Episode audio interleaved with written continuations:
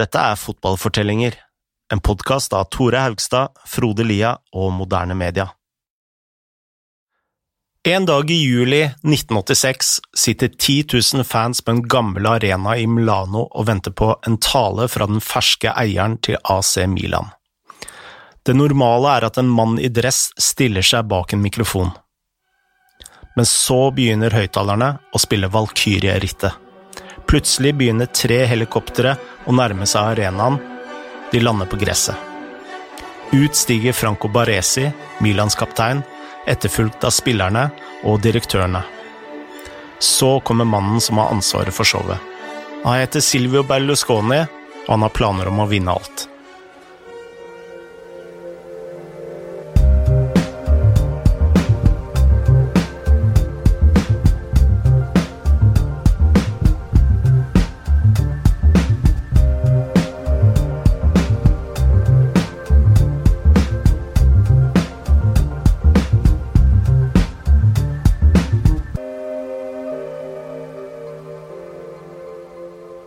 Akkurat omtalt åpningsscenen til Berlusconi før hans eh, første fulle sesong som eier av eh, AC Milan. De fleste eierne pleier å holde pressekonferanser eh, når de ønsker å si noe. Men idet helikoptrene nærmer seg arenaen, var det vel allerede åpenbart at Berlusconi var en litt annerledes kar. Ja, Berlusconi sa jo senere at han visste at folk kom til å le litt av dette stuntet det var jo veldig sånn bombastisk og nesten som en slags scene fra en krigsfilm. Men uh, han ville vise da at mentaliteten i Milan nå hadde endra seg. Han ville vise at de var lei av å tape, at de nå tenkte stort. Og på en måte så ble jo denne scenen startskuddet for revolusjonen til Berlusconi. Og Når vi sier eh, revolusjon, så snakker vi ikke bare om eh, fotball og taktikk. Vi snakker om forretningsliv, media og ikke minst internasjonal politikk. Absolutt. På, um, ja, på godt og vondt, kan man vel si. Idet Berlusconi steg ut av, ut av helikopteret, hadde han eid Milan i ca. et halvt år. Man, men man blir jo ikke eier av en fotballklubb uten å være rik først. Nei.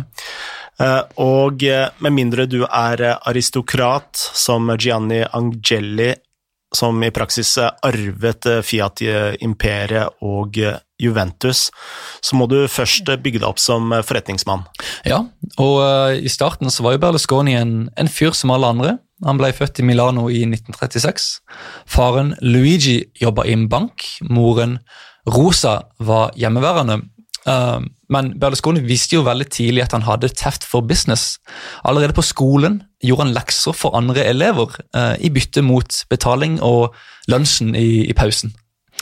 Og Senere gikk eh, Berlusconi på en eh, katolsk eh, skole, og der gjorde han akkurat som det jeg gjorde. Han spilte bass i et band. Ja. I tillegg så studerte han juss, og det var jo slik at mange studenter hadde jo deltidsjobber både da og nå for å betale for studiene, og Berlusconi han hadde en litt spesiell eh, deltidsjobb, for han ble faktisk sanger på et cruiseskip i Middelhavet. Ja, eh, det finnes et bilde av Berlusconi hvor han står bak en svær mikrofon i dress og en sånn rund Fedora-aktig hatt. Så uh, det er et fantastisk bilde, så det bør alle lytterne rett og slett bare google opp. Ja, bare google Berlusconi og cruiseskip, og så finner du det.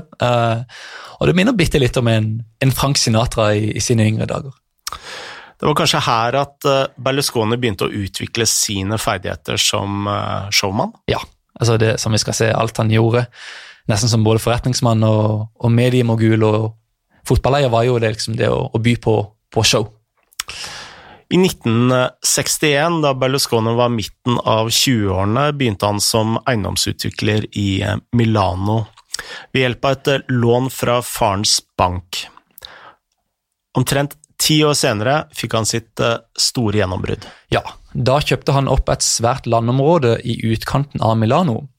Og Dette området var på billigsalg fordi det lå like ved en flyplass. og Det fløy liksom mange fly like over med støy og masse sånn. Det var ikke folk som ville bygge noe der.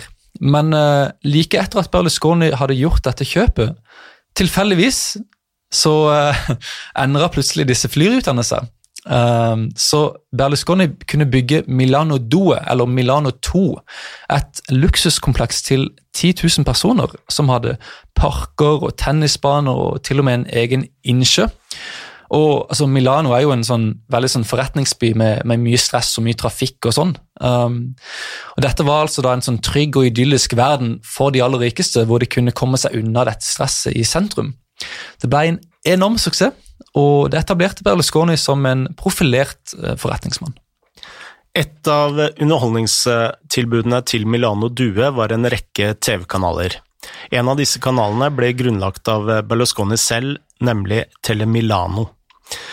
Men det var grenser for hvor mange personer Berlusconi kunne nå med denne kanalen, Tore. Ja, eh, statens lover i Italia sa at alle private TV-stasjoner altså, Det var veldig begrensa hvor store de kunne være. Uh, og Poenget var at det skulle være monopol for den statlige kringkasteren da, som het RAI. Men i 1976 kom det en ny lov som sa at private kanaler nå kunne operere på regionalt nivå. Og det utnyttet eh, Berlusconi umiddelbart? Ja, han hadde forstått hvor stor kraft det lå i TV som medium, så han kjøpte opp flere andre stasjoner i Lombardia, altså regionen hvor Milano ligger.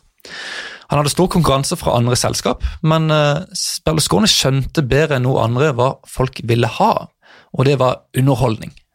Han importerte et hav av billige amerikanske serier, som liksom Dallas og Baywatch osv., og, så eh, og disse ble veldig populære blant italienske seere.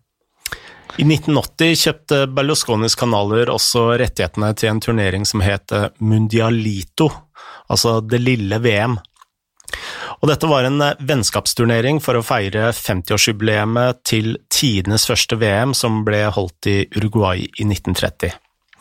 Denne turneringen ble holdt eh, på samme sted og bød på Argentina, Brasil, Italia, Vest-Tyskland, Nederland og Uruguay. Og den ble en stor seersuksess. Ja, og dette var jo noe av det som åpna øynene til Berlusconi for hva han kunne gjøre med fotballen som underholdningsprodukt. Og eh, fotballinteressen i Italia ble jo ikke akkurat lavere da Italia vant VM i Spania eh, kun to år senere. Selv om de fleste rettighetene tilhørte statskanalen, så hadde Berlusconis kanaler en rekke show om fotball. Disse var helt annerledes enn eh, noen av de som hadde vært på TV. Eh, og For å vite mer om dem har vi snakket med John Foot. Ja, John Foot er en professor innen moderne italiensk historie. Han har skrevet en rekke bøker om Italia, bl.a. om sykling og psykiatri, og ikke minst fotball. Uh, og den store bibelen her da er Calcio, som etter, altså, i mine øyne så er det liksom, ja det store verket om italiensk fotball på engelsk. Um, mer enn 600 sider uh, som tar med absolutt alle aspekter av italiensk fotball, eh, og som gir deg en forståelse av hvordan Italia fungerer som land. La oss høre hva FUT eh, har å si om Berlusconis eh, fotballprogrammer. He didn't have that much football to show. Um, you know, he didn't really have the rights to football for a long time. But what he did really successfully was was make football glamorous and also um, have a lot of programs where they talked about football. So they didn't really have the games, as it were. Um, at some points they did, but what he did was make football um, modern and glamorous. It wasn't just people talking about tactics or you know um, um, catenaccio or the kind of lots of men in suits talking about very kind of detailed things, which you, you got on the kind of Rye, um, the, the state TV. He made it, you know, good looking women and men, quite controversial, um, quite kind of, you know, fun. And that's what he did with, with the kind of chat around football. And that's still the model today. Um, so he really, he, he always wanted football to be um, an entertainment, not a kind of staid, boring, um, kind of technical activity. And I think that's one of the revolutionary things he did, both with the football on the pitch and with the way it was transmitted and talked about on his private channels. Det John sier her, forklarer hvorfor eh, Berlusconis kanaler eh, ble populære. Men det var jo lenge slik at han eh, bare kunne sende dem i Lombardia. Ja, det var i hvert fall sånn i teorien. Eh, men i praksis fant Berlusconi en vei rundt dette regelverket. Eh, først kjøpte han en rekke lokale TV-stasjoner over hele landet. Og så sørger han for at disse stasjonene sendte de samme programmene på akkurat samme tid. Og dermed skapte han da i praksis en nasjonal TV-kanal. Berlusconi var altså en eh, fyr som aldri lot seg stoppe av lovverket. Nei, på ingen måte. og Snart fant han jo nye måter å tjene penger på via dette. Uh, I 1979 hadde han stifta et reklamefirma som het Publitalia. Og Dette brukte han til å selge ting på sine egne kanaler. Uh, dette ga enormt med penger i kassa, og innen 1984 hadde Berlusconi så mye penger at han klarte å kjøpe opp sine kommersielle TV-rivaler. Han hadde altså nå i praksis et monopol innen den private TV-sektoren. Men så dukket eh, disse irriterende lovene opp igjen. I 1984 sa domstolene i eh, Roma, Torino og Pescara at Berlusconi i praksis hadde nasjonale TV-stasjoner som fortsatt var ulovlige. Det er jo utrolig at eh, det tok så lang tid på å slå ned på dette her. Ja. Uansett ble kanalene tatt av luften i disse regionene, men som alltid hadde Berlusconi en løsning. Ja, Innen dette skjedde, hadde Berlusconi skaffa seg en veldig mektig venn. Eh, og Det var ingen ringere enn Bettino Craxi, som nettopp hadde blitt Italias statsminister. Eh, de to hadde dratt på ferie sammen. Eh, Craxi var forloveren i Berlusconis andre bryllup. Og nå var Berlusconi sin gode venn om å hjelpe til med å komme seg rundt disse fæle reglene. Um, Craxi klarte å blokkere denne dommen. Berlusconis kanaler kom tilbake på lufta, og dermed var det nå fritt frem for Berlusconis nasjonale TV-imperium. Berlusconi var altså en svært mektig mann da han kjøpte Milan tidlig i 1986. La oss høre fra John Foot hva slags status han hadde i Italia på den tiden. I think we need we need to kind of forget the stuff that we know about Berlusconi because we we I think a lot of people know him as as many things in the 90s, but in the mid 80s he was above all a businessman and a very very successful businessman. Um, as you as you know, he made his money first from building, but he was also you know the first person to really understand advertising and and uh, the possibilities of advertising in TV um, which is why he, he, he, understood TV as basically a, a receptacle for advertising, um, not the other way around. so, you know, it was how you could sell as many things as possible through TV and how to make it popular. So he was known as, as a, he was a very kind of flamboyant, charismatic, but also a very successful person before he went into football. Um, and he wasn't so politically controversial as he as he later became.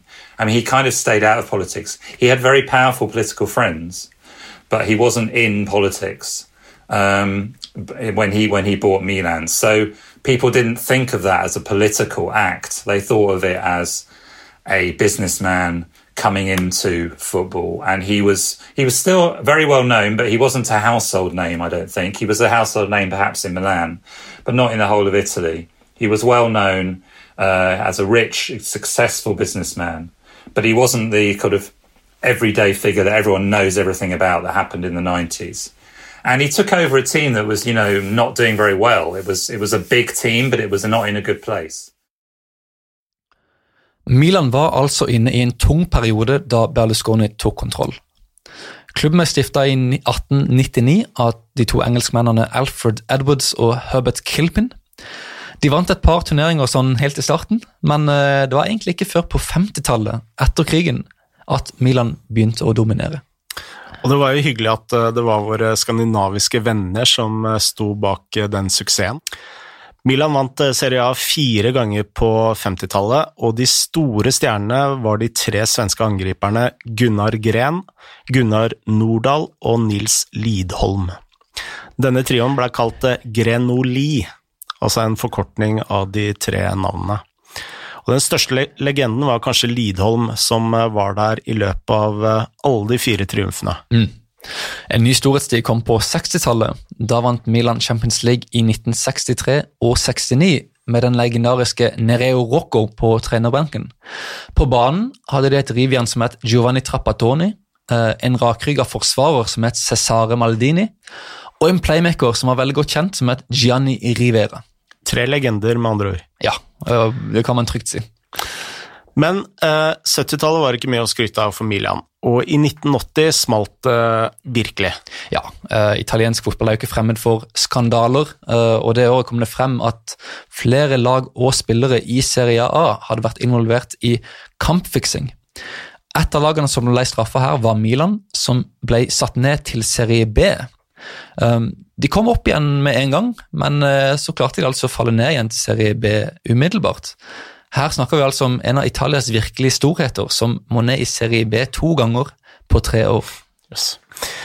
Innen 1985 hadde Milan klart å etablere seg igjen som et av Serie A's eh, bedre lag. Men de var jo ikke i nærheten av å vinne noe stort. Nei, og, og nesten enda verre, de sleit med stor gjeld. Eh, så skak, skakkjørt var økonomien at mange frykta at de kom til å gå konkurs. Eh, og det var åpenbart at de trengte en ny eier. Mm. Det banet eh, vei for Berlusconi, som tok over Milan 20.2.1986. Men så har jeg spørsmålet, hvorfor kjøpte han Milan? Altså Greit nok, eh, det var en stor klubb med en eh, prestisjetung historie, som han nå kunne få relativt billig. Men det har, jo ikke, det har jo aldri vært slik at klubbeiere tjener masse penger på fotballen. De må jo ut med lønninger, de må pusse opp sta stadion osv. Ja, ja, det stemmer. Eh, det er et godt poeng. Eh, så vi stilte dette spørsmålet til John Foots. Hvorfor i alle dager kjøpte Berlusconi AC Milan? I think he liked football. He's always been a fan of football. I mean, he thinks of himself as an expert on football, and he thinks he knows a lot about football, and whether that's true or not is another matter. Um, I think I don't know if he was a Milan fan. I mean, there are lots of people who say he was an Inter fan, so we we have all these kind of um, urban myths about whether he's a Milan fan or Inter fan. I think he saw a business opportunity. He understood very quickly that football on TV was going to be huge. Um, it was already big in terms of the state TV, but he saw the possibilities of using football and combining it with advertising, combining it as an entertainment and having a team obviously meant that you could push that team, you could mold that team uh, to his TV stations. So he, he saw a, a, a business opportunity, which was, he really did see the future. He saw that football was going to become enormous. It wasn't, it was of course huge in Italy, but it wasn't, it wasn't as big in terms of making money out of it. People were still, um, you know, footballers still had to work when they retired and things like that.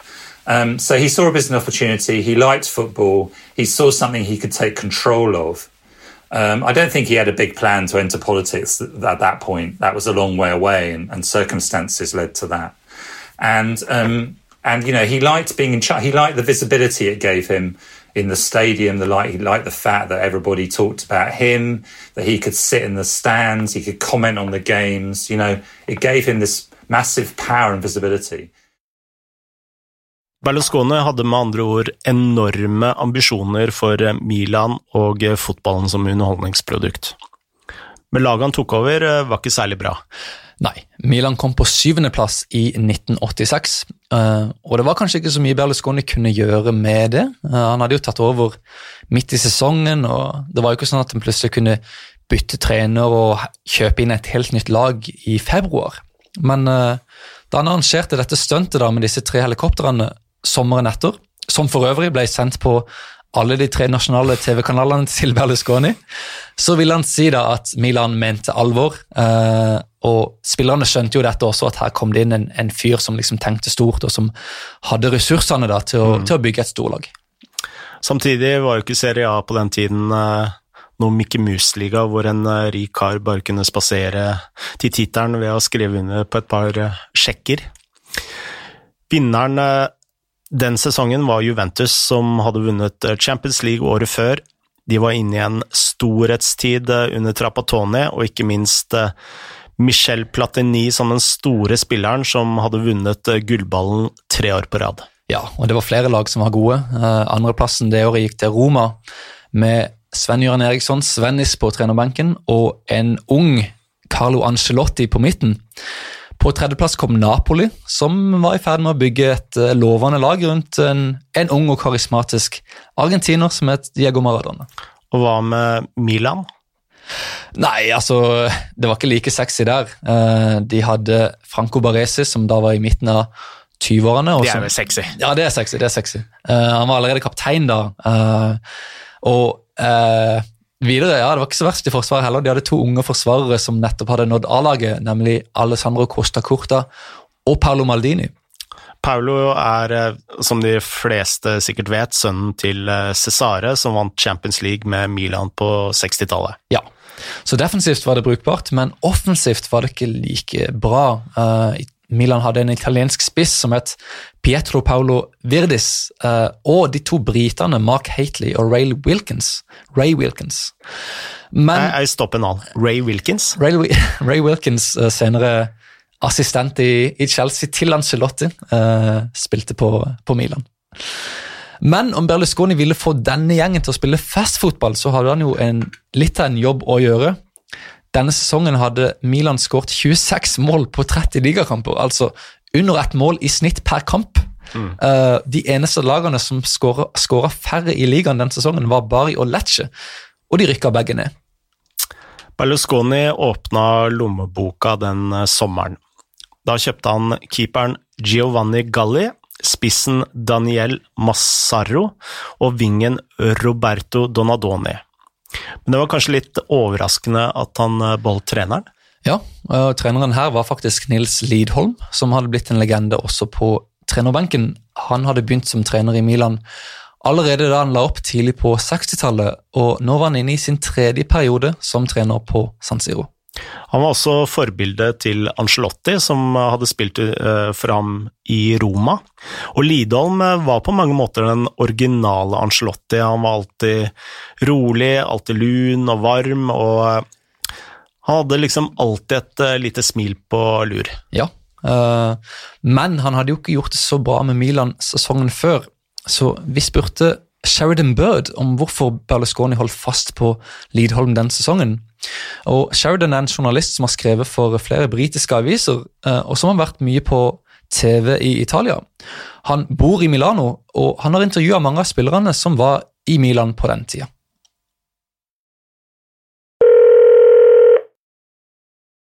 he kept the job on good faith because Berlusconi knew he couldn't come in and straight away uh, sort of restart and remold and recast everything completely. And he wanted to give Lildholm a chance because Lildholm was one of his personal heroes as a child, which is quite sweet. But Berlusconi used to, you know, he used he claims he used to go and watch Milan with his dad, and he was there. There's the old story that Niels Lildholm, I think after five seasons in a home match, he once misplaced the pass and it went to the other team and apparently that was the first time it had happened at San Siro.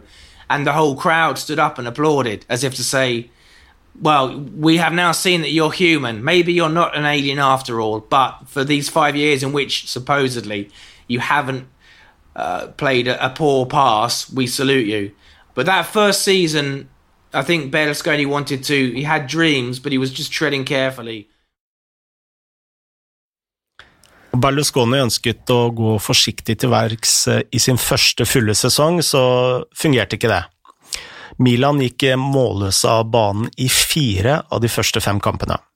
Etter runde 15 i Serie A hadde de spilt 0-0 eh, fem ganger, og fansen var ikke spe spesielt eh, imponerte. Nei, dette var jo ikke det showet som Berlusconi hadde lovt i. Uh, og på et tidspunkt kasta noen fra tribunen faktisk en stein som smadra vinduet like ved trenerbanken hvor Lidholm satt. Uh, det er et ganske klart uh, en, en, klar gest egentlig på at Ja, for du har jo satt et nivå når du presenterer deg selv og ditt eierskap med tre helikoptre og live på tre TV-kanaler. Ja, og Berlusconi liksom kom inn og sa at vi skal vinne alt, og vi skal gjøre det med stor stil og champagnefotball osv., og, og, så, og så skjer dette. Uh, så Berlusconi måtte jo endre noe, uh, og han hadde nesten ikke noe valg. Uh, I april den sesongen så, så bytta han trener. Og siden det ikke var lenge igjen av sesongen, ga Berlusconi jobben til Lidholms assistenttrener. Og det var en kar som heter Fabio Capello. Fabio Capello han hadde blitt forfremma uh, til assistentjobben den sesongen etter å ha trent noen av ungdomslagene i Milan. Uh, og Han gjorde det i praksis så godt han kunne med A-laget den sesongen. De var jo i en veldig dårlig posisjon da han tok over. Uh, men han klarte å ta dem til femteplass. Uh, de kom på like mange poeng som Sampdoria, og måtte dermed ut i en playoff for å avgjøre hvem som skulle til Uefa-cupen neste sesong, og den vant Milan. Og ligatittelen gikk til Maradonas Napoli det året. Ja. Den, Vi, den, første til Milan Nei, den første til, til Napoli noensinne. Riktig. Uh, ja. Men Milan skåra kun 31 mål på 30 kamper. Ja. Men Berlusconi var likevel optimistisk. Han trodde han hadde funnet treneren som kom til å forvandle Milan. På den tiden hadde nesten ingen hørt om Arigo Sacchi, men det skulle selvsagt snart endre seg. Det var duket for en revolusjon.